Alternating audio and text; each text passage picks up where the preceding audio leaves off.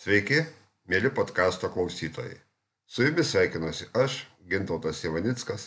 Ir šiandieną svečiuose fizikos mokslų daktaras, astrofizikas Kastytis Zubovas, su kuriuo kalbėsime apie amerikiečių rašytoją Larry Niveną ir jo žiedinį pasaulį. Sveikas, Kastyti. Labas. Žiūrėk, pačiai pradžiai tai turiu vieną patį sunkiausią klausimą iš tikrųjų, nes, nes aš ne viską žinau žmogus gyvenime ir aš noriu paklausti. Nyvenas ar Naivenas? Labai sunkus klausimas ir tiesą sakant nežinau, bet man atrodo, kad Nyvenas. Supratau, aš visą gyvenimą vadinau Naivenu, pasistengsiu šiandien vadinti Nyvenu tada. Gerai, tai prie mūsų pagrindinės temos grįšim truputėlį vėliau, o dabar norėčiau šiek tiek, kaip pasakyti, klausytojams tave pristatyti ir, ir pačiam šiek tiek su tavim artimiau susipažinti, nes pasižiūrėjau, tai pakankamai įdomu vis dėlto, kiek daug kartais kai kuriuose žmonėse telpa, žinai, supranti, kitose ten negali pasakyti per daug, per daug nieko, čia, žinai, supranti. Ir yra fizikos mokslų daktaras, astrofizikas, ir, ir Tolkieno draugijos vadovas, tu ten, ar net įkurėjas? Vadovas, ne įkurėjas, bet. Vadovas dabartinis, ne? Supranti, ir dar, ir dar daug visokios kitokios vėliavos, prie kurios truputėlį prieisime. Tai dabar, žiūrėk, kaip, kaip tavės sugyvena šitie dalykai, žiūrėk, astrofizika yra toks pakankamai vis tiek tikslus ir toks pažangus, sakyčiau, mokslas, nes vis tiek žiūrim dar vis dar į, į ateitį ir dar labai daug apie, tą, apie tai nežinom ir į, į visą tai stengiamės gilintis. Ir čia tas pasakų pasaulis Tolkieno, supranti, magiškoji fantasy. Ne kartą esu susilaukęs šito klausimo, bet uh, neturiu labai paruošto atsakymą į jį, kaip čia taip manyje telpa ir viena ir kita, kaip man uh, kaip suderinti tą, kad vat, astrofizika atrodo taip mokslas e, gilus ir kodėl, kaip čia šalia to visos tos magijos ir panašiai. E, ir fantastikos telpa. Man atrodo, kad vienas gal iš aspektų yra tas, kad Tolkieno kūryboje tai mane labiausiai žavi būtent pasaulio kūrimas, world building. Ir e, tame yra ir, ir tokių, tokių dalykų, kuriuos aš, pavyzdžiui, kaip astrofizikas, e, kuriais galiu žavėtis. Tarkim, na, kaip, kaip Tolkienas, tarkim, e, kosmologiją pasaulio sudėlioja. Ir kad ir tokios detalės, kaip, kaip ta kosmologija keitėsi Tolkienui bandant apriepti e, per jo gyvenimą kintantį mokslinį supratimą apie tai, kaip visokie dalykai atsirado, tarkim, apie tai, iš kur menulis atsirado. Kai Tolkienas buvo jaunas, žmonės galvojo vienai, kai Tolkienas buvo pagyvenęs, jau buvo pasikeitusi idėja ir šiek tiek tas atsiliepia ir kai kuriuose Tolkieno kūriniuose. Bet čia, aišku, detalės yra nes, nes vis tiek žavėjimąsi Tolkienu pradėjau ne, ne nuo astrofizikos ir kosmologijos jo kūryboje, o m, mm, tiesiog istorija, kuri, na, kuri buvo įtraukianti gal savo ne tai, kad realistiškumu, bet tokiu um, tam tikra prasme tikroviškumu. Nes nepaisant to, kad ten bėgioja hobitai, elfai, burtininkai, bet vis tiek skaitai žiedų valdovą ir taip jaučiasi, kad tai yra pasaulis, kuriame žmonės, ne, ne tik žmonės, gyveno daug, daug metų ir yra tas kažkoks kultūrinis pagrindas po tuo, kas, kas vyksta čia. Tai va tas mane pagavo pirmiausia. Ir su astrofizika nemanau, kad tai labai kažkuo susiję. Gal nebent tuo, kad vėlgi į mokslą, kai pasižiūri, vis sakant, tai viskas yra stovėjimas ant milžinų pečių ir bandymas užlipti jiems ant pakaušio. Aišku, nes iš tikrųjų, jeigu mes, ta prasme, apie Tolkieną kalbėsim, tai turbūt aš abejoju, ar mes surastume dar bent vieną autorių, kuris į, būtent į tą world buildingą, pasaulio sukūrimą būtų idėjas šitiek. Nes Taip. ir kalba ir ne viena, supranti, aišku, čia jis buvo jo arkliukas, nes lingvistas buvo pats. Taip. Tai, tai čia jau šitoje vietoje taip, bet, bet ir taip, iš tikrųjų, ir visa istorija, ir visa kosmogonija, ir viskas, tai tikrai įdėtas didžiulis, didžiulis milžiniškas darbas ir vargu ar kas nors šiais laikais apskritai kada nors bent jau bandys tai pakartoti, nes aš kartais kalbėdamas su žmonėmis irgi apie rašymą ir panašiai, tai kaip tik šitoje vietoje dažnai stengiuosi žmonės stabdyti. Nes jeigu jūs norite kurti vieną pasaulį 35 maždaug metus kaip Tolkienas, prašau. Bet jeigu jūs manot, kad jūs neturite tiek laiko, tai tada, žinai, reikia gal apsiriboti protingomis ribomis. Taip. Taip, tai apie, apie šitą kažkada neseniai internetuose skaičiau tokią išmintį, kad uh, nu, šio laikiniai autoriai irgi daro panašiai kaip Tolkienas, tik tai tiek, kad uh, visą tą world buildingą jie sudeda į RPG suplementą savo knygos ir, ir išleidžia kaip stalo vaidmenų žaidimų kokią nors kampaniją, siužetą, knygą ar dar ką nors. Bet aišku, 35 metų tam neskiria. Taip, taip, taip. Na ir aš tikrai abejoju, kad kuriam nors tam, nežinau, ar pagaitant, ta prasme, ar ten stalo žaidimo kokiam setė, supranti, ar dar koks nors bus papildomos dvi kalbos, kuriomis reikės išmokti ir kalbėti žaidžiant. Arba netgi rašyti. Nu, apie rašmenis mes turim, taip sakant, tą tokią žinai, istoriją, kur aš esu žiauriai nusikaltęs visiems tolkienistams, aš tai esu jau pasakojęs, žinai. Kaip ta prasme, tom runomis teko kažką tai greitai parašyti, žinai, ir taip ir pirmasis perumo pratesimo Tolkieno darbų, taip sakant, žinai, tai tie va, to, tomeliai buvo Tolkieno šitų mokinių serija, visa ta buvo papuošta eilutėmis iš bitlų help dainos. tai šitoj, šitoj vietoje šitą istoriją dviem, dviem dalykais papildysiu. Viena, tai ten ne runos, o tengvos nebūčiau talkinistas prisiekęs, jeigu nepataisyčiau. O kita, jeigu tai būtų tiesiog bitlų help užrašyta, aš labai džiaugčiausi ir man labai patiktų toksai easter eggas. Uh, ta prasme, da, da, kaip pats žinai, mano, mano bėda su tuo yra ta, kad tenai parašyta iš tikrųjų džiberiš. Ne, ten yra tiesiog pagal klaviatūros išdėstymą buvo surinkta elementariai, nesiaiškinant, kokia raidė kaip skamba, kokia tengva. Uh, kaip skamba ir panašiai. Bet, nu, palikim tą, aš už tai dar degsiu pragare, tai... o aplinkui bėgios pikti tolkianistai ir, ir bėtis, to prasme, malkas į tą laužą, ant kurio aš degsiu. Vis, viską kažkada išsiaiškinam, viskas suprantama ir, ir ok, ir aš šitą laužą malkų nemėtysiu, bet Gerai. tiesiog, kai, kai užeina kalba, tai patikslinti viską reikia, tokia jau gyko priedermė. Nu, bet kiek žinau, ta, ta, tas pats dalykas, ta prasme, inscenizavo ir labai teigiamą postumį su naujojo Tito Albos leidimu. Taip, e, iš pradžių irgi buvo. Pačios Almos literos. O paskui įsiklausė ir pataisė kažką, tai kaip tam buvo. Taip, taip po to pataisė ir dabar jau naujau, to naujausio leidimo e, naujas tiražas yra su pataisytais viršeliais, tikrai labai gražiais. Labai gražus žestas. Ten, ten ne bitlų help, ten kaip tik uh, ištraukos frazės yra iš knygų paimtas. Labai, ne, bet tai šiaip labai gražus gestas, kad ta prasme nenumojo ranka, o iš tikrųjų įsiklausė, pataisė ir Taip. aš tada neturėjau tos galimybės, ta prasme, jeigu būčiau turėjęs irgi gal būčiau įsitaisęs, tai bandau dabar pasiteisinti. Gerai, einam dar prie vienos tavo, taip sakant, asmenybės, dar prie vieno tavo asmenybės bruožo, uh, Papasakok tu man, kaip tu ten su vengrų kardais dabar susijęs. Nu kaip, aš um, apskritai taip, aš uh, viskas čia, galima sakyti, prasidėjo nuo dar mano studijų laikų, kadangi aš studijavau ne Lietuvoje, o Anglijoje, Lesterio universitete. Ir ten yra apskritai gilios uh, sportinio faktavimo tradicijos. Uh, visam akademiniam gyvenime jų, tai yra ir daugelis mokyklų ir praktiškai kiekvienas universitetas turi fechtavimo klubą.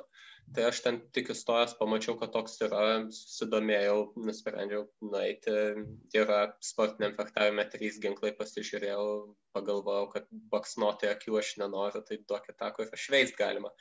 Tai pasi, pasiėmiau kardą į rankas ir keletą metų ten treniravausi. Mokiausi, paskui kažkaip šiek tiek apleidau, bet grįžau po visų studijų į Lietuvą. Ir irgi pradėjau ieškoti, kas čia ko užsiminėjo, o vat, sportinio fechtavimo pas mus nėra tiek jau daug, o tas, kas yra, tai praktiškai uh, vien uh, rapyra, kadangi šitam uh, penkiakovai rapyra yra, tai taip Lietuvoje praktiškai tik tas ir kultivuojama. Taip, kad sportinio kardo neradau, o po kurio laiko sužinojau netyčia vieną pažįstamą, pamačiau, kad pradėjo Kaune lankyti kažkokį klubą, kurie, o, kardu užsiminė. Tai išsiaiškinau, kas čia tokio, na, pats mm, prisijungiau e, ir pradėjau, pradėjau treniruotis, na, ir taip įkritau jau, tuoj kokie septyni metai bus. Tai, tai kuo aš dabar užsiminėjau, nėra, nėra pats tas uh, sportinis kardo efektavimas, tai turbūt senesnė technika, bet uh, labai panaši, nes iš jos tas sportinis kardo efektavimas šio laikinis išsivystė. Ir tai būtent yra vengriška technika, nes na, vieno vengrų meistero praktiškai ištobulinta ir, ir pagal jo, jo mokymo metodiką ir mokomės. Bet nu, nelab nebaisiai praktiška, nes turbūt savyginai nesinešioji to kardo gatvėje. Ne, savyginai nesinešioju, manau, nesu labai detaliai domėjęsis, bet kiek žinau, man atrodo, Lietuvoje neįmanoma tas būtų. Uh, ta prasme, tai greičiausiai, kad ginklą. tikrai traktuotų kaip šaltą į ginklą, aš manau. Nes... Ja, bet ir, ir man atrodo, kad būtent savyginai ten šaunamą į ginklą tai įmanoma Lietuvoje įsigyti ir gauti leidimą, bet šaltojo ginklo nelabai. Iš, o įdomu, iš šaunamųjų savyginai, tai ta prasme, kokią nors trebušetą galima apiforminti ir pastatyti ginti savo kiemą. Um, Čia Žilinskui klausimas apie teisę. Trebušetas labiau mėtomasis ginklas, o ne šaudamasis. Um, tai... Gerai, skorpioną. Čia jau kitas reikalas. Gerai, tiek to. Pa, pajokavom, eikim prie mūsų, taip sakant, avinų, prie, prie tos pagrindinės temos. Kai mes tarėmės dėl pokalbio, tai pasiūliau trejata temų, dar sakiau, jeigu nori pats kokią nori išsirink. Kodėl vis dėlto Nivenas? Da, vienas dalykas, tai man visokia kosminė fantastika labai prie širdies. Nu, čia, aišku, susiję su... Profesinė su deformacija, taip. Ja, ja, profe, iš profesinės pusės ir, irgi įdomu yra, tarkim, kai skaitau kokius nors, kokius nors kūrinius apie kosmosą parašytus ar ten prie, ar šiais laikais, ar prieš kelius dešimtmečius, ar prieš šimtą metų. Labai įdomu pamatyti, kaip, kaip skirtingai parašytojai parašė ir kiek tai atlėpia tuometinės, tarkim, mokslo žinias. Apskritai, su Nivenu mano pirma pažintis buvo taip žiedinį pasaulį perskaičiau kažkada turbūt studijų pradžioje. Sakyčiau, nu taip prieš taip kokius 13-14 metų, gal kažkas tokio. Um, ir atsimenu, kad nu, mane tiesiog nunešė stogą, koks, uh, kokia tai kieta ir faina fantastika ir kaip man ji labai, labai patiko. Ta prasme, aš jau tada supratau, kad kaip, kaip romanas tai nu, nėra ypatingai stiprus, bet uh, būtent ta uh, idėjų, idėjų koncentracija ir tiek, tiek mokslinių, tiek, tiek labai fantastinių, na, tikrai tokia labai, labai įspūdinga man buvo. Ir prieš porą metų perskaičiau vėl tą patį romaną ir supratau, kad nuomonė daug nepasikeitė. Taip, kaip, kaip romanas e, nėra toks jau įspūdingas, ten veikėjai irgi tokie sausau, bet e, ta e, mokslinė ir fantastinė dalis tai, tai tikrai žavi. Ir perskaitęs apie žiedinį pasaulį, pradėjau ieškoti daugiau Niveno kūrybos. Ėmiau, skaičiau vieną po kito ir įvairius romanus ir apsakymus tikrai ne viską esu perskaitęs, ką jis parašė, bet, bet turbūt kokias keliolika knygų. Ir daugumoji tikrai radau, radau visokių būtent labai intriguojančių idėjų. Ir kartu įvairūs paaiškinimas, pristatymas tų idėjų, ar ten per veikėjų lūpas, ar kaip nors, irgi toks, kuris, kad, na, atrodo, jos būtent daromos prieinamos, prieinamos kiekvienam skaitytojui kas, kas irgi mane uh, žavi, kadangi aš dar ir mokslo populiarinimu pats užsiminėjau šalia kitų, šalia kitų dalykų, tai ir iš tos pusės visai, visai įdomu. Man įdomu dabar, tu, tu, kaip mokslininkas, įdomu, būtum tarptų studentų, kurie 1971 metais, tai yra metam laiko praėjus nuo žiedinio pasaulio publikavimo, per Valtkoną su plakatais stovėjo ir šūkavo žiedinis pasaulis nestabilus. Žinai, tai istorija. Pažinti, kad šito dalyko, kad perskaitęs žiedinį pasaulį nebandžiau išsiaiškinti, ar tai būtų stabili struktūra. Um, taip kad šitą istoriją aš perskaičiau ir, ir būtent iš šitos istorijos sužinojau, kad žiedinis pasaulis visgi būtų nestabilus. Taigi gali būti, kad nebūčiau lūpas. Nu, bet Naivino garbė reikia pripažinti, kad ta prasme jisai vėliau rado, kaip tai, lygiai taip pat, kaip mes, va čia pavyzdį kalbėjome apie tai, kaip suprantate, Tengvas dizaineris pataisė, suprantė, taip ir ne vienas, suprantė, e, inžinieriuose jau truputėlį patobulinimus, kurių buvo nepaminėjęs, ta prasme, pirmoji knygoje, jis jau tos įvedė, ta prasme, kurie suteiktų stabilumo tam pasauliu. Taip, toksai, e, toksai e, šitas gykų pasipiktinimas kažkokia detalė davė peno sekančiai knygai.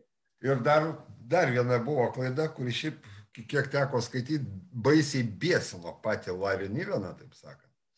Kadangi irgi ir apie šitą klaidą jisai pats parašė netgi, reiškia, pirmoje inžin, žiedo, žiedinio pasaulio inžinierių knygos, reiškia, pirmojo leidimo pratarmiai, kad maždaug kas esate įsigiję pirmąjį leidimą žiedo, žiedo pasaulio, kur uh, pagrindinis veikėjas uh, Luisas Wu švenčia savo gimtadienį ir keliauja aplink žemę, ta prasme, vis per laiko juostas vis iš naujo švesdamas savo gimtadienį. Bėda tik ta, kad jisai keliavo ne tą kryptimį. Jis keliavo tą. Taip, taip, buvo, e, buvo tas momentas. Ja, ja, Na, tai... tai Divedas tam toj, toj pratarmiai taip ir parašė, žinai, maždaug, kas turit įsigiję, žinai, tai va ten turėkit omeny, kad ten su klaida, bet ta klaida verta jūsų pinigų.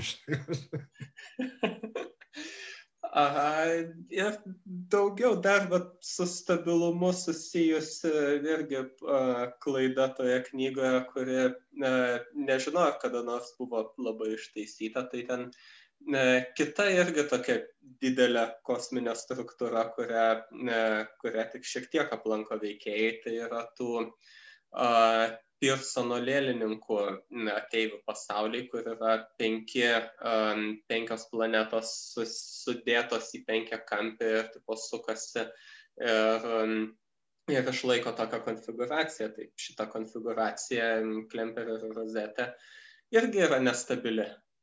Tai va, įmanoma padaryti tokį penkiakampį, kad jis suktųsi, bet mažiausias e, nukrypimas nuo simetrijos irgi iš, e, išblaškytų viską. Tai, tai va. Nu, bet galim irgi galvoti, kad ten varikliai yra prie tų planetų pritaisyti ir viskas, e, viskas stabilizuojama. Taip, jeigu kada nors, taip sakant, parašytų lėlininkų pasaulio inžinieriai, tai nu, aš tai tikiu, kad dabar prikabins variklius, kuriuos reikia ir pataisys viską. Taip, tai vis dėlto ką, pagrindinių tokių veikalų, turbūt, kuris pirmas ateina į galvą, bet kuriu atveju, tai yra tai, ką, apie ką mes vat, jau išnekam kurį laiką, turbūt žiedinis pasaulis. Taip, taip, nu vis tiek garsiausias Niveno kūrinys. Kaip tau, vat, gerai, atmeskim tą stabilumo problemą, atmeskim visą kitą. Kaip apskritai tau, kaip pati ta struktūra, kaip mokslininkui atrodo? Idėja yra įdomi ir um, viliojanti keliais aspektais. Vienas aspektas yra tas, kad tarp žvaigždinės kelionės visgi yra sudėtingas dalykas. Ir jeigu neįvyks kokiu nors visiškai radikalių proveržių fizikoje, tai, na, tai bus labai lėtas dalykas.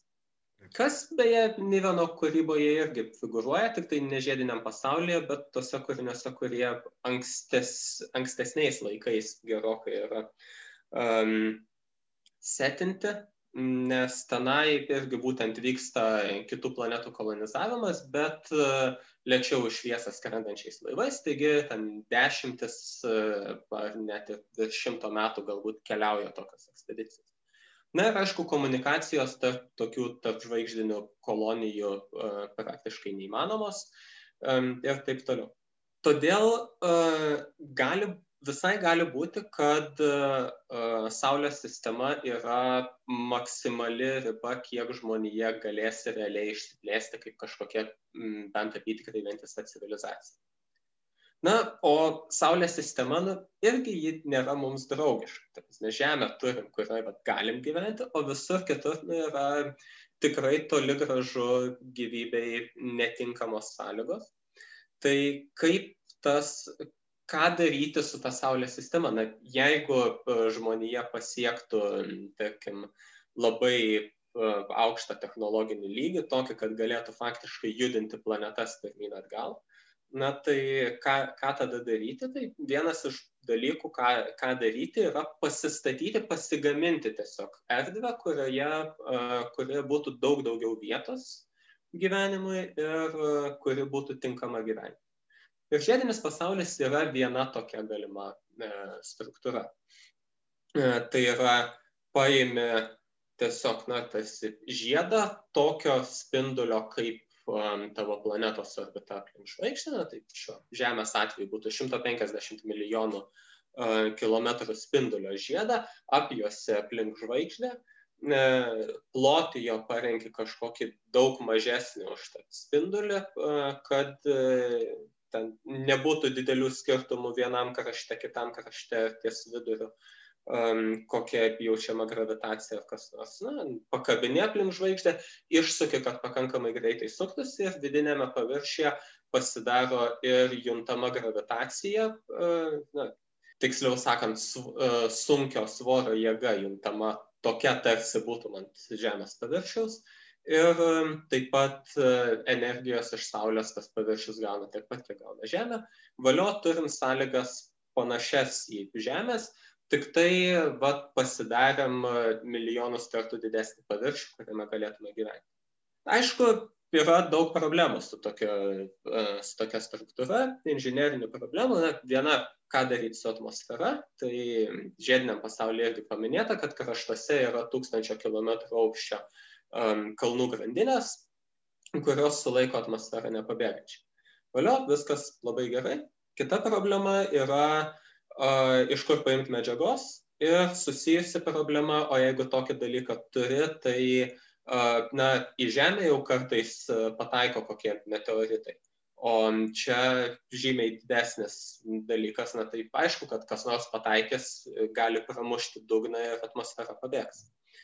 Tai sprendimas yra išvalyti viską, viską iš, iš žvaigždės sistemos, išskyrus pačią žvaigždę ir tą medžiagą panaudoti uh, pagaminti žiediniam pasauliu. Kas, na, kaip minėjau, reikalauja žymiai didesnių technologinių galimybių, negu žmonė dabar turi praktiškai gali pasvajoti, bet nepažeidžia jokių kaip ir fundamentalių fizikos dėsnių, kaip mes jau suprantame. Bet čia toks labai elegantiškas įimas. Iš potencialaus pavojaus, taip sakant, iš visų šiukšlių, kurias mes turim, panaudoti jas teigiamai. Žiūrėk, pataisysi mane, galbūt jeigu aš e, klystu, aš kažkaip irgi iš kokių labai labai senų mokyklinių laikų, turbūt tai yra 30 metų ar prieš, e, suskaitęs apie tokį dalyką, buvo toksai Ale Maršalo projektas, kažkas tokio nesigirdės, apie, idėja buvo panaši, ta prasme, irgi tiesiog teorinė, bet ta prasme buvo ne apie žiedą, o apie sferą. Aplink, tai čia Dysono sfera. Dysono sfera. Kodėl man, marš, kodėl man maršalas, jo, tai kaip pasakei, dabar prisiminiau ir Dysoną, kodėl man maršalas, nežinau, gerai, tvarkoj. ja. tai, um, Kuris iš tų variantų atrodo, kaip pasakyti, praktiškesnis, realesnis, nežinau. Um, apskritai apie, viso, apie tokius darinius vadinamus bendrai paėmus megastruktūromis, taip uh, žmonės galvoja, na, turbūt tikrai daugiau negu šimtą metų. Bijau sumeluoti, bet man atrodo ir Celkovskis, vienas iš raketų mokslo pradininkų, irgi kažką rašė apie, apie, panašius, apie panašius dalykus. Bet taip Freemanas Dysonas, tiek amerikiečių fizikas, sugalvojo tokį, tokį dalyką kaip sferą, kurią būtų apgaubiama žvaigždė, tai būtų galima išnaudoti visą žvaigždės skleidžiamą energiją. Faktiškai, na, pagauti visą tą energiją ir ją galbūt kaip nors praktiškai panaudoti. Um, kas gal ir, gal ir gerai, bet su Dysono sfera yra pora tokių esminių problemų. Tai e, viena yra ta, kad, na, kaip minėjau, žiedinį pasaulį, tarkim, jeigu norime jame gyventi, tai ant jo vidinio paviršiaus galima gyventi, jeigu jis sukasi pakankamai greitai, kad susidarytų tą išcentrinę jėgą veikianti, kuri uh, imituoja gravitaciją. Uh, Dysono sferą irgi būtų galima išsukti, bet tai vis tiek sukimasis tą išcentrinę jėgą, kurs tik tai ties pusiauju kuo arčiau ašigalių artėsi, tuo mažesnė išcentrinė jėga. Ir patys ašigaliai, jie tada e, lieka tokie e, pakabinti tiesiog ir čia jau e, gali atsirasti visokių ten ne tai kad stabilumo, bet struktūrinio tvirtumo problemų. Tiesiog deformuotis gali pradėti. Ja. Mhm. Iš principo tas. Ja, nes, nes sukasi, tempiasi per pusiaują, traukiasi per ašigalį, na ir visokios tokios problemos. Nu, Kita čia, problema. čia elementariai, jeigu ta prasme žmonėm paaiškinti, taip pat kaip ir kodėl mūsų Žemė šiek tiek suplota Taip. iš principo, ta Taip. prasme, nėra taisyklingos sferos formos. Iš principo tas pats. A, kita problema yra tai, kiek medžiagos reikia. Jeigu pasiimtumėm visą medžiagą iš Saulės sistemos, išskyrus pačią Saulę, ir pagamintumėm iš to Dysono sferą, kurios spindulys būtų toks kaip Žemės orbita, nu, tai ta Dysono sfera gautųsi ten ar taip milimetrų ar centimetrų storą, nedaugiau. Žiedinį pasaulį, jeigu paėmė, na, tai jau gali, tarkim, jeigu vietoj realiai tų 150 milijonų kilometrų padarai a, plotį žiedo ten, tarkim, keliasdešimt tūkstančių kilometrų, na tai iš karto gauni šimtą kartų daugiau storo, na ir jau, jau gauni kažkiek medžiagos, su kuria kažką bent jau įmanoma padaryti. Toli gražu ne tiek, kad tenai padarytų molienų sluoksnius ir taip toliau, ką nors panašaus į realią geologiją, bet nu, bent, bent jau dirvas įmanoma padaryti ir kažkokių namų pasistatyti. Tai va, o su Dysono sfera uh, to neišeina. Dėl to Dysono sfera netrodo uh, praktiškai įgyvendinamas net ir uh, labai tolimoje ateityje projektas. Nebent būtų skrendama į kitas žvaigždinės sistemas iš tenai dar renkama medžiaga, bet vėlgi reikėtų tūkstančius tų sistemų turbūt suvartoti, kad vieną Dysono sferą pastatytume, kas vėlgi atrodo, na, tada jau galbūt kaip tik geriau skristi tenai ir bandyti ten ką nors kolonizuoti. Bet tokių megastruktūrų yra ir daugiau visokių idėjų, tarkim, iš tos pačios Dysono sferos, vėl tokia korekcija yra Dysono spiečius vadinamas. Tai ne viena sfera, bet daug uh, santykinai mažų uh, orbitinių stočių, kurios tiesiog įvairiomis orbitomis skraido aplink žvaigždę. Uh, ir taip surenka žvaigždės energiją, uh, galbūt ten vietoje panaudoja ar pasiunčia kur nors kitur, kur jau praktiškai būtų galima panaudoti. Na, žodžiu, tokių, uh, tokių idėjų yra, yra tikrai įvairių. Tikrai, kai pagalvoju, vis dėlto pakank, pakank, pakankamai senai visų šitų dalykų žmonės yra prisigalvoję. Ir, ir, o, o, o iki realizacijos dar toliau. iki bent jau minimalios galimybės, taip, taip. Iki realizacijos labai toli, bet iš kitos pusės, tarkim, na, toli gražu ne tiek mega, bet vis tiek didelė struktūra yra toks vadinamasis Onilo cilindras. Yra, tarkim, labai gražių NASOS koncepcinių piešinių iš ten 80-mečio pradžios, kai buvo galvojama apie tokius, apie tokius darinius. Tai tiesiog paimkim cilindrą, kurio spindulys būtų, na, gal, pavyzdžiui, kilometras ar pora kilometrų ilgis, gal keliasdešimt kilometrų.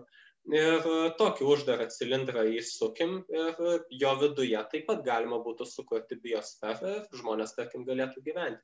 Tai galėtų būti tokia gyvenama kosminė stotis. O Rama Clarko panašių principų. Tai man, man atrodo, kad... Ten irgi, ta prasme, besisukantis cilindras ir taip. visas vidiniam paviršiui vyksta. Taip. Taip, būtent, būtent, tai va, tokia, tokia būtent idėja. Ir na, tada atrodė va, visiška, visiška fantastika. Dabar kalbos eina vis, vis labiau apie kosminius viešbučius. Ir uh, greičiausiai kosminiai viešbučiai turės komponentus panašius į tą Onilo cilindrą. Aišku, ne kilometrų ten dydžio ar dešimčių kilometrų. Pradiniai bus, bet pradiniai vis tiek cilindras turėtų būti turbūt kokių kelių šimtų metrų spindulio tam, kad, tam, kad normaliai žmogus jame jaustus. Nes jeigu žmogų įdėsi į karuselę, kuri yra, pavyzdžiui, ten 10 metrų spindulio, na tai jau labai keistai jausis, kai kojas veikia stipresnė iš centrinė jėga negu galva ir pastebimai skiriasi. Čia, žinai, čia nereikia kosminio viešbučio, čia užtenka nueiti į atrakcionų parką ir ramunėlės. taip, taip, taip, taip, taip, būtent. Tai va, o, o kosminė viešbutė, aišku, mikrogravitacija yra faina, bet, bet vis tiek, jeigu žmogus be ypatingo ten astronauto apmokymo nori tenai nukeliauti, na, tai bent jau mėgamasis jo turbūt turėtų būti tokioje erdvėje, kur yra sukuriamas gravitacijos įspūdis ar iliuzija. Tai va, na ir tokių cilindrų jau prireiks, taip kad gali būt kad per kokius dešimt penkiolika metų sulauksim bent jau to ką klarkas savo kosminėj odisėjoj aprašė ir, ir kubrikas parodė. Tai yra ta kosminė stotis su besisukančiu cilindru. Šiek tiek anksčiau būčiau labiau pesimistiškai žiūrėjęs, nes iš principo buvo labai apstoję visas tas mhm. reikalas, jeigu mes kalbėsim apie, nu, nežinau, žmonijos ekspansiją į kosmosą, žinai, kol kas tai ekspansija, to eks, ekspansija to nepavadinsi, žinai, ten porą kartų iki menulio daskridom. Bet dabar, kada pradėjo ir, ir Maskas ten judinti visus reikalus truputėlį, kada privatus kapitalas į tuos dalykus traukėsi iš tikrųjų. Ir ko gero, vos ne vienas iš pirmų taikinių gali būti būtent e, kosminis turizmas, kosminiai viešbučiai. Taip, kadangi, nu... taip, taip, taip. Čia toks, čia toks yra reikalas, kad, e, na, taip, visa ta kosmoso infrastruktūra yra toks labai uždaras ratas, galima sakyti, kas yra ir, ir trūkumas didelis, ir privalumas. Tarkim, prieš beveik dešimt metų buvo e, prasidėjusios kalbos apie asteroidų kasinėjimą, bet iš jų na, nieko, nieko praktiško kol kas neišėjo. Pora kompanijų buvo taip gana garsiai įsteigtos, bet paskui gana tyliai numirė ir viena ir kita kažkur apie 2017-2018 metus. Turbūt labai didelis rentabilumo klausimas, nes taip, greičiausiai suruošti laivą, taip sakant, pakankamai taip. kūro, kad ir atgal netuščiam jau netgi grįžti pirmin atgal, o taip. už kiek tu parsiveši ten, nežinau, rudos taip. kažkokios ir panašiai. Taip, tai labai, uh, labai daug labai daug kainuoja išgauti tas medžiagas ir dar daugiau kainuoja jas saugiai nutupdyti ant žemės. Tai kol nėra poreikio medžiagoms kosmose, realiai tol asteroidų kasinėjimas labai ir neturės kaip išsiplėsti ar iš viso pradėti vykti. Iš kitos pusės, vat, kai atsiranda kažkokia infrastruktūra kosmose, kuriai gali reikėti medžiagų, taip gali prasidėti asteroidų kasinėjimas, tarkim, iš to poreikis didesniam, didesniam infrastruktūros kiekiu ir taip viskas vystosi, plečiasi, plečiasi, plečiasi ir gali būti tokia labai, labai save palaikanti, save spartinanti sistema, kuri per kelis dešimtmečius net pažįstamai pakeistų tą kosmosą. Bet tai turbūt kaip tau atrodo, kaip e, daugiau turbūt visame tame besigaudančiam be jokios abejonės negu man. Pats pirmas va toksai žingsnis, kuris visą tai labiau turėtų, nu, be abejo, link to judinti, bet kur reikšmingai turėtų pradėti judinti, tai turėtų būti kažkokios, aš nežinau, mano galva, kažkokios, ta prasme, ar planetinės, ar, ar er, er, erdvėje esančios, bet kažkokios, nu realiai, ta prasme, ne tai, kad kolonijos, bet bazės pakankamai rimtos, ta prasme, Taip. su, su pastovė jau, sakykime, nu, pastovė besikeičiančia įgula, dar kažkaip. tikrai, tikrai visiškai sutinku, kad reikia, kad e, ten kosmose nuolat būtų daugiau žmonių negu dabar yra tie 3-6 tarptautinėje kosminėje stotyje. Tai turi būti tikrai, e, tikrai daugiau ir va, tie kosminiai viešbučiai gali prie to prisidėti, plus, e, na, dabar, va, kaip NASA šneka apie grįžimą žmonių į menulį ir dabar jau su tą mintim, kad grįš ne tik tam, kad vėliava įsmeigtų ir e, prikastų šiek tiek grunto tyrimams, o tam, kad įrengtų stoti ir toje stotyje nuolat kažkokią įgulą dirbtų. Panašiai kaip dabar tarptautiniai kosminiai stotyje arba kaip Antarktidoje tyrimų slotis. Ir galų galę susirinktų visus golfo kamoliukus. Kuriuos... O, nu, aš, aš čia galiu biškai mažiau gražų dalyką papasakoti, ko ten paliko žmonės uh, kosmose. Menulyje tai yra, nes... Nu, bet skafandro nusimauti jie ten negalėjo. Skafandrą, skafandrą nusimauti negalėjo, bet vis tiek, kadangi jie norėjo pargabenti kuo daugiau menulio grunto mėginių, o masė pakeliama yra toks svarbus kriterijus, nu, tai viską, ką galima, paliko tenai, tame tarpe ir, ir maišus su, su tuo, kas atlieka po žmonių. Supratau, nu ką, apdergėm viską, apdergsim ir vienulį, tai ne problema. Grįžkim dar mes prie mūsų, taip sakant, Nyveno. E, man dar viena, kaip, kaip tau dar tokia, čia jau nebe, nebe kosminė idėja, bet man labai žavi buvo savo laiku, kada iki skaičiau, e, buvo pakankamai žavi ta idėja apie sėk, sėkmingo žmogaus išvedimą ar, ar laimės lydimo žmogaus išvedimą. Aha, sėkmė, sėkmės genai. Ja. Um, įdomi idėja. Man atrodo, kad kažką liktai esu skaitęs, kad vat, tuo, um, tais laikais, uh, vat, kaip Nivenas ten žiedinį pasaulį rašė kai kurios kitus kūrinius, tai buvo daug, daug galvojama apie tai, vat, kad čia uh, genetika paaiškins visus, uh, visus ten skirtumus tarp žmonių ir, na, vieniems labiau sekasi, kitiems mažiau taip atrodo, nu, taip matyti skirtumas, kurį irgi genetika gali paaiškinti. Tai vat, su tuo ir pažaidė šiek tiek.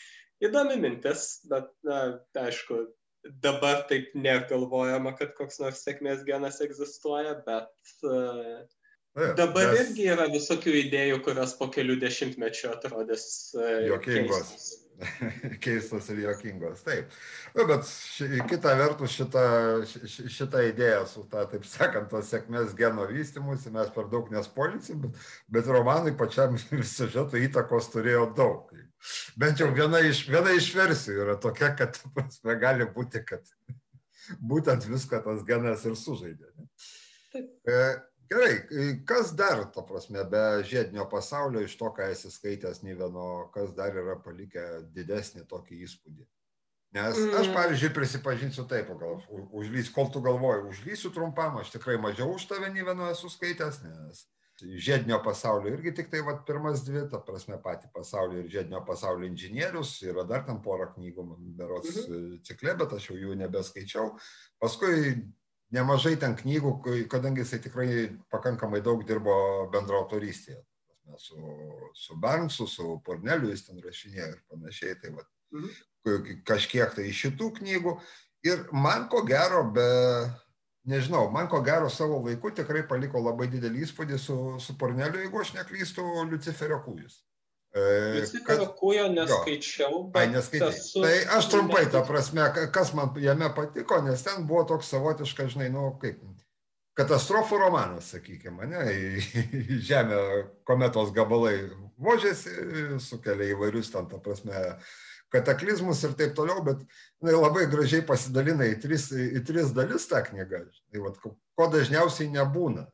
Dažniausiai būna arba katastrofos momentas arba pasaulis po katastrofos bandomas išgyventi ir panašiai. O šitam Luciferio kūrui yra visos trys stadijos, labai tvarkingai ir maždaug vienodai apimties užima.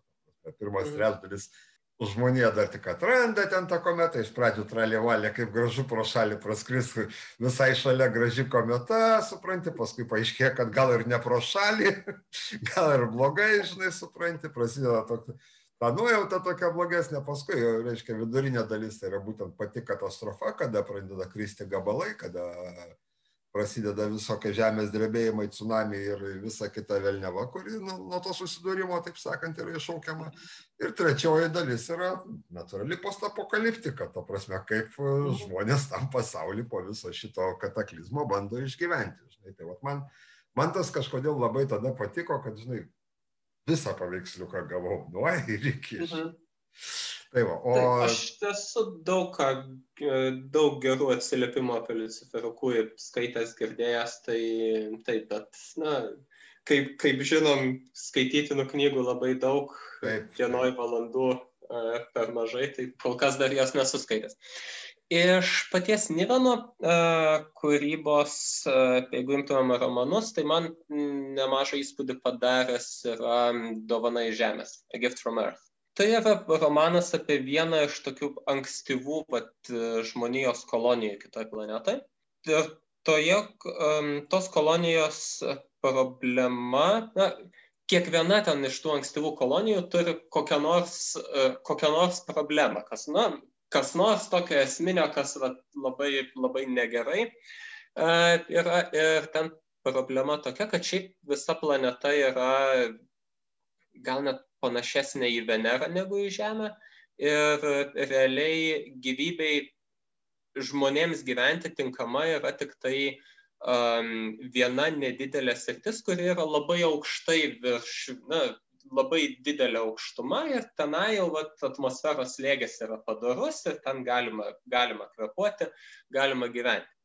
Na, bet kai tokia yra apribota, apribota erdvė ir, tarkim, žmonės nelabai turi kur pabėgti iš ten, tai gana greitai susiformuoja tokia diktatoriška, um, diktatoriška uh, visuomenės santvarka, kad uh, yra valdančioji kasta yra tie, kurie buvo kolonistų laivo įgula o tie žemesnioji kasta yra tie, kurie buvo kolonistai, kurie užšaldyti tiesiog skrido, jie paskui atšildyti, žodžiu, atšildyti iš karto į praktiškai vergų ar ten, na, bent jau antrarūšių piliečių lygį.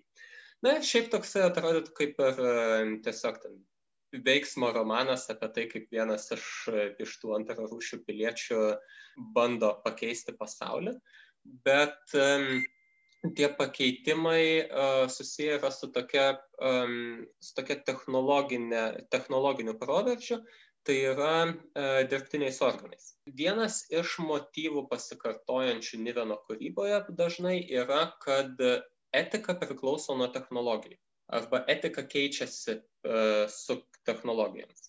Ir vienas iš tų pokyčių yra toksai, kad atsiradus galimybei uh, persodinti organus, laikui bėgant žmonijos etinės, moralinės normos pasikeičia taip, kad tampa labai dažna mirties bausmė, nes iš mirties bausmė nubaustųjų galima surinkti organus ir juos persodinti tiems, kam labiau reikia. Ir to, e, tame pasaulyje, vat, kuriame vyksta dovana į žemės veiksmas, e, tenai tas, tos mirties bausmės ir organų išdalinimas įgulai yra naudojamas kaip vienas iš tokių uh, teroro priemonių, kad tie antrarūšiai piliečiai nesi, uh, nesišakotų.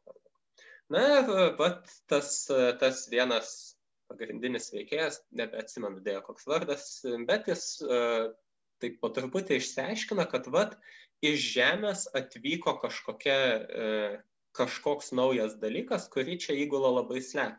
Na ir paaiškėjo, kad tas naujas dalykas tai yra technologija, kuri gali užauginti organus nuo nulio ir nebereikia jokių tų organų transplantacijų, žodžiu.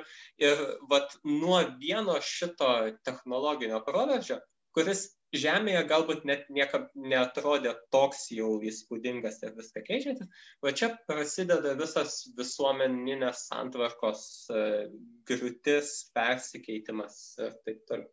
Tai va šita, šitas motyvas mane e, irgi taip patraukia, kad visai, visai intriguojantis. Manau, kad mes kaž, kažką tai panašaus, mes galbūt, žinai, taip drastiškai nepastebim, bet realiai, ta prasme, kad šiokią tokią etiką keičia technologijos ir, ir šiom dienom natūraliai po truputėlį. Taip, sakyčiau tikrai taip ir turbūt pasižiūrėjusi tai, kiek, kaip vat, e, moralės normos, tarkim, ten prieš 50 ar 100 ar kelius šimtus metų kokios buvo, tai turbūt rasim sąsajų su technologiniais pokyčiais, kad kaip, kaip jie, jie kažką pakeitė. Na, kad ir, kad ir vienas labai, tarkim, esminis toks per kokius pusšimtį paskutinių metų įvykęs mūsų visuomenės, na, vakarų pasaulio visuomenių pokytis, tai moterų ir vyrų teisų išsilyginimas nuo to, nuo to kas buvo prie, na, tarkim, 20 amžiaus pirmoji pusė, ypač 19 amžiuje, iki to, kas yra dabar, na, atrodo labai didelis etinis pokytis, kurį nemaža dalim sąlygojo tai, kad fizinė jėga nebėra uh, labai apsprendžiantis motyvas tavo galimybių ten turėti darbą ir panašiai. Po truputėlį, kągi, mes viniosimės link pabaigos ir aš tada paprašysiu tavęs vieną, dvi, trys, kiek įstengsi. Žiedinį valdovą mes jau, ta, žiedinį valdovą viešpatį. Gerai, ir žiedinį valdovą, ir žiedo pasaulį. Abu šitos nuostabius kūrinius, kur parašė, ta prasme, Laris Tolkienas ir Džonas Ronaldas Roilas Nyvenas. Gerai, jokai pajokavom, viskas tvarkoja, tikiuosi klausytojai mūsų suprato. Taip, žiedinį pasaulį Nyveno mes be jokios abejonės rekomenduojam. Tolkienas rekomendacijų net nereikalauja, bet aš paprašysiu tavęs parekomenduoti, kokią sakau, vieną, dvi, tris knygas, būtent e, kosminė tematika ir kur, kur kosmosas vaidintų tikrai ne, ne paskutinė. Kosmosas, technologijos. Na tai Stevensono Seven Needs, pavyzdžiui, rekomenduosiu. Lietuvių, vat, pavadinimą lietuviškai kaip išversti, nes liet, man atrodo, knyga į lietuvių kalbą neišversta. Ne, neversta tikrai. Stevensoną mes ja. iš vis turim tik tai laviną, man atrodo, jeigu aš neklystu, tik tai snokrašą. Aišku, tikslus vertimas pavadinimo į lietuvių kalbą būtų septynios jėvos. Bet yra toks šioks toks žodžių žaidimas tame gaunasi, kad kartu ir septyni vakarai. Tas sevenybs atrodo. Ir vat, na, šiek, šiek tiek man, man atrodo, kad ne veltui toks, toks pavadinimas parinktas. Na, bet idėja ten yra apie tai, kad uh, subyra menulis ir kas vyksta toliau. Kodėl tas menulis subirėjo, visiškai neaišku, bet subyra į septynis gabalus, paskui paaiškėja, kad tų gabalų vis daugėja ir daugėja, nes jie daužosi tarpusavėje ir toj pradės kristi ant žemės. Na ir liko maždaug dviejai metai iki kol ant žemės pasileis toksai meteorų lietus, kad paviršius taps nebetinkamas gyvenimui. Na ir ką dabar daryti? veiksmas vyksta kažkokioj neapibrieštoj, bet netolimoje ateityje. Pagrinde, pagrindinė veiksmo dalis vyksta, galima sakyti, tarptautinėje kosminėje stotyje, kuri na, yra šiek tiek padidinta, praplėsta, lyginant su to, kas yra dabar. Na ir kaip va, ta tarptautinė kosminė stotis tampa vienu iš poligonų, kuriuose bandoma užtikrinti žmonijos kažkokį išgyvenimą apskritai kaip ir dauguma Stevensono knygų labai ilga, bet man skaityti tikrai neprailgo ir netgi pagalvojau, kad geriau būtų buvusios dvi knygos, kadangi į pabaigą jis taip matosi, kad turėjo dar idėjų, bet jau gal uh, spaudė laikas, kada reikia atiduoti leidyklai. Uh, knygą ar kas nors tokio, nes taip atrodė pabaiga neužbaigta. Nes pabaiga, paskutinė knygos dalis vyksta 5000 metų ateityje, po to, kai jau žmonės išgyvenę vėl bando nusileisti į žemę ir pradėti gyventi ten. Bet va ta dalis tokia irgi tikrai įdomi, bet pasirodė gal šiek tiek neišbaigta, bet pagrindinė, pagrindinė knygos dalis tai yra būtent apie tą pasiruošimą katastrofą ir kaip jau katastrofa prasideda ir kaip žmonės bando išgyventi tai tarptautinėje kosminystėje. Viena iš labai nedaugelio dar neskaitytų Stevensono knygų, bet tikrai artimiausių metų čiupsiu ir aš. Nu, tai va, suspoilinau šiek tiek, bet... A, tai aš spoilerių nebijau, nes man visada knygoje kur kas įdomiau ne tai kas, o tas kaip. Na, vėlgi, kaip kaip ir dažnai pas Stevensoną būna, jis tikrai parodo, kad labai apsiskaitęs toje srityje, apie kurią rašo, labai daug prirašyta su detaliom, detaliais visokiais paaiškinimais, kaip, kaip ten kokios technologijos pritaikomos, kas kur daroma. Ir, na, kas iš viso to galiausiai gaunasi. Tokios spekulacijos, kaip ten per tos 5000 metų žmonija gali pasikeisti. Ir, ir kaip iš viso atrodyti visuomenės sąranga po to, kai 5000 metų žmonės gyveno atskirti nuo Žemės paviršiaus. Tai va, tai, tai čia viena rekomendacija. Kągi dar parekomenduoti? Kad kosmosas tokį tikrai reikšmingą vaidmenį. Na, tai dar viena, um, viena rekomendacija, aišku, daugam tikrai ir girdėta ir matyta, ir tai va, apie ką siūliai galbūt pasišnekėti šiandien, tai Expans serija. Uh, visiškai šių laikų uh, mokslinės fantastikos romanas, kaip tik uh, kažkada netrukus turėtume sulaukti paskutinės serijos knygos, devintosios. Um, Na, aišku, serialas yra ir um, vat, prasideda jis būtent nuo, nuo maždaug to, ką minėjau, kaip gali būti, kad um, Saulės sistema žmonijai ir bus ta riba, Taip. kiek žmonija gali išsiplėsti. Pirmos Aš... dvi knygos būtent tokiame uh, tokiame fone ir vyksta, kad vad žmonija išsiplėtus į Saulės sistemą, bet toliau... Kasyba asteroiduose visa ir visa jo, kita. Ir, taip, taip. Kasyba asteroiduose ir kolonijos Marse bei asteroidų. Tai bandymas Marsą terraformuoti ir visa kita. Tas vat, tikrai va, ta tokia pakankamai, sakykime, saliginai artima mūsų kosminė ateitis, kokia jinai galėtų būti. Taip, ir, ir būtent pradžioje viskas uh, irgi gana paremta šiuolaikiniu mokslu, na, neskaitant kelių tokių elementų, kaip ten ypatingai efektyvus variklis, kuris realiai leidžia skraidyti nuo... Epsteino, uh, kaip jis pavadino. Jo, Ep Epsteino, Epsteino, kaip... Jo, jo, kažkaip panašiai. um, tai va, labai efektyvus variklis, kuris leidžia praktiškai skraidyti per keletą dienų tarp planetų, o ne ten mėnesius ar metus trunkančių kelionių. Bet jis irgi net esu skaitęs bandymų išmastyti, kaip toks variklis galėtų veikti ir kad na, jis neprieštarauja fizikos dėsniams bent jau nors inžinieriškai kol kas. Mano, mano galva ten turbūt labiau prieštarautų fizik, ne fizikos dėsniams, o biologijos dėsniams žmogaus išgyvenimas vidury to laivo, nepaisant to, kaip ten. A, kažkiek. Taip sakant, tom, taip, su, ten band, bandoma šiek tiek paaiškinti su, su, su šitais. Tiek to, į techninės smulkmenas. E, jo, iš, iš kitos pusės, jeigu galėtumėm visur skraidyti su vieno G pagreičiu, tai yra, kad laive pojūtis būtų toks lyg tai žemiškos gravitacijos, tai tikrai pasaulio sistemą būtų galima skraidyti uh, praktiškais laiko tarpais. Na, tai yra, kad kelios dienos iki Marso, kelios savaitės iki Urano ir Neptūno. Taip kad, taip kad šita, šita dalis tikrai, tikrai visai. Na, nu, bet čia pirmos pora knygų, paskui atsiranda e, ateiviška technologija, kuri atveria staiga žmonijai daugiau nei tūkstantį kitų planetų, į kurias vat, galima nuskristi per tam tikrus tarsi hipererdvės portalus, for want of a better word. Um, ir kas tad, ką tai padaro visai žmonių civilizacijai ir vėlgi kaip, kaip vat, žmonės į tai reaguoja.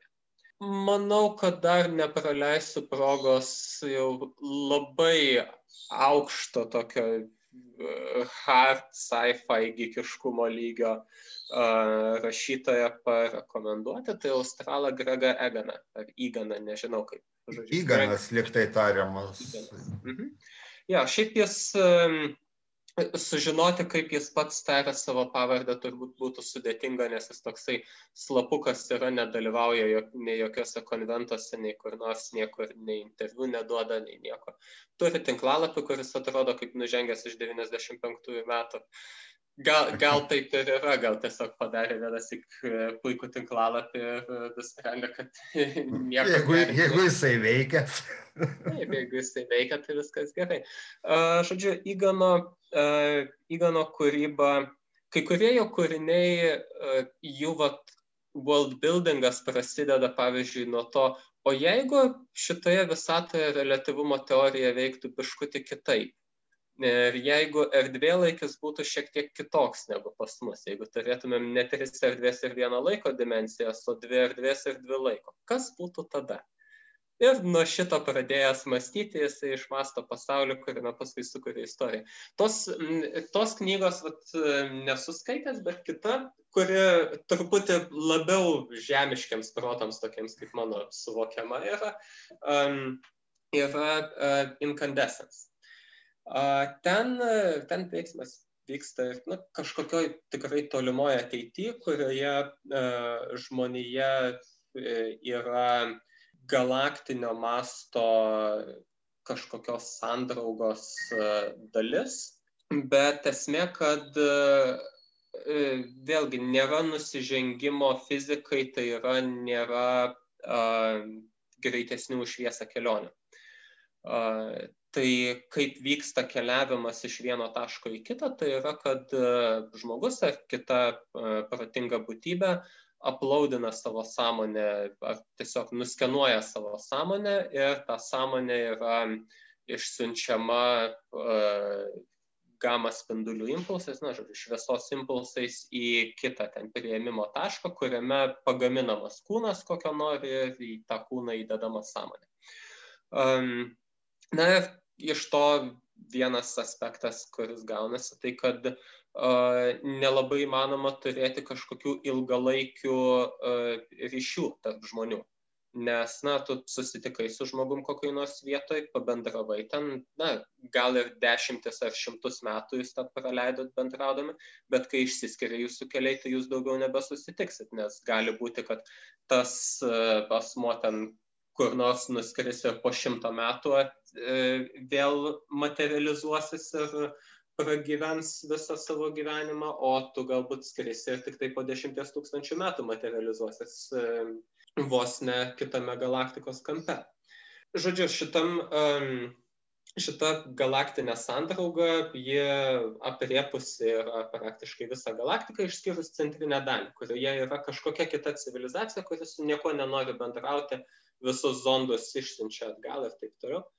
Bet staiga jie atsiunčia tarsi užklausą, porą žmonių pasikviečia pas save, vat, atvykite, yra kažkokia, kažkokia paslaptis, kurią norime, kad jūs padėtumėte išsiaiškinti. Na ir jie nuvyksta ir pradeda aiškintis apie kažkokią seniai pranykusią kitą civilizaciją bando jų gaudyti. O paraleliai, kas antrą skyrių vyksta vat, būtent tos seniai lyg ir seniai pranykusios civilizacijos iš požiūrio taško veiksmas, kuris man atrodo gal įdomesnė dalis, nes tai yra tokia lyg ir primityvi civilizacija, ta prasme, iki industrinė civilizacija, gyvenanti, kaip paaiškėja, asteroido viduje. Ta civilizacija, iš to bent jau kiek aprašyta fiziškai buvo, tai kažkokie vagzdiški padarai. Ir kaip jie tenai gyvendami tom asteroido viduje jie po truputį atranda relativumo teoriją. Jie būtent atranda tokius dalykus kaip gravitacija iš karto per relativumo teoriją, o ne per tai, ką mes vadiname klasikinę fiziką, tai yra tai, ką Newtonas išmokė. Nu, pas, pas juos obelis neaugo tiesiog.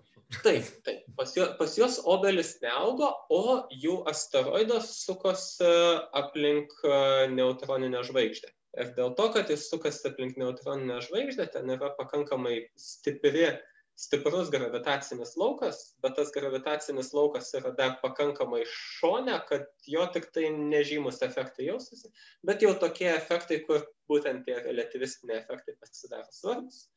Ir taip jie po truputį atranda tą relativumo teoriją visiškai iš tokių gana primityvių eksperimentų. Iš to irgi vystosi siužetas, kaip jie po truputį išsiaiškina, kad tam jų asteroidų ir jų gyvenimui grėsia didelis pavojus ir ar jie čia gali ką nors padaryti ar negali, na, vėl tokia kaip toks kaip kataklizmas, katastrofa dėl to, kad kosmosas yra didelis ir nedraugiškas ir kosmosui visai nerūpi, ar čia kažkokie maži padarai išgyvens ar neišgyvens. Puikios rekomendacijos, net, taip sakant, net ir aš va vieną vis tiek pasinaudosiu, nors Seven Eves aš ir taip planuose gulėjau. Tikrai. Labai ačiū, kad sutikai ateit pakalbėti. Ačiū už kvietimą. Ir iki. Iki.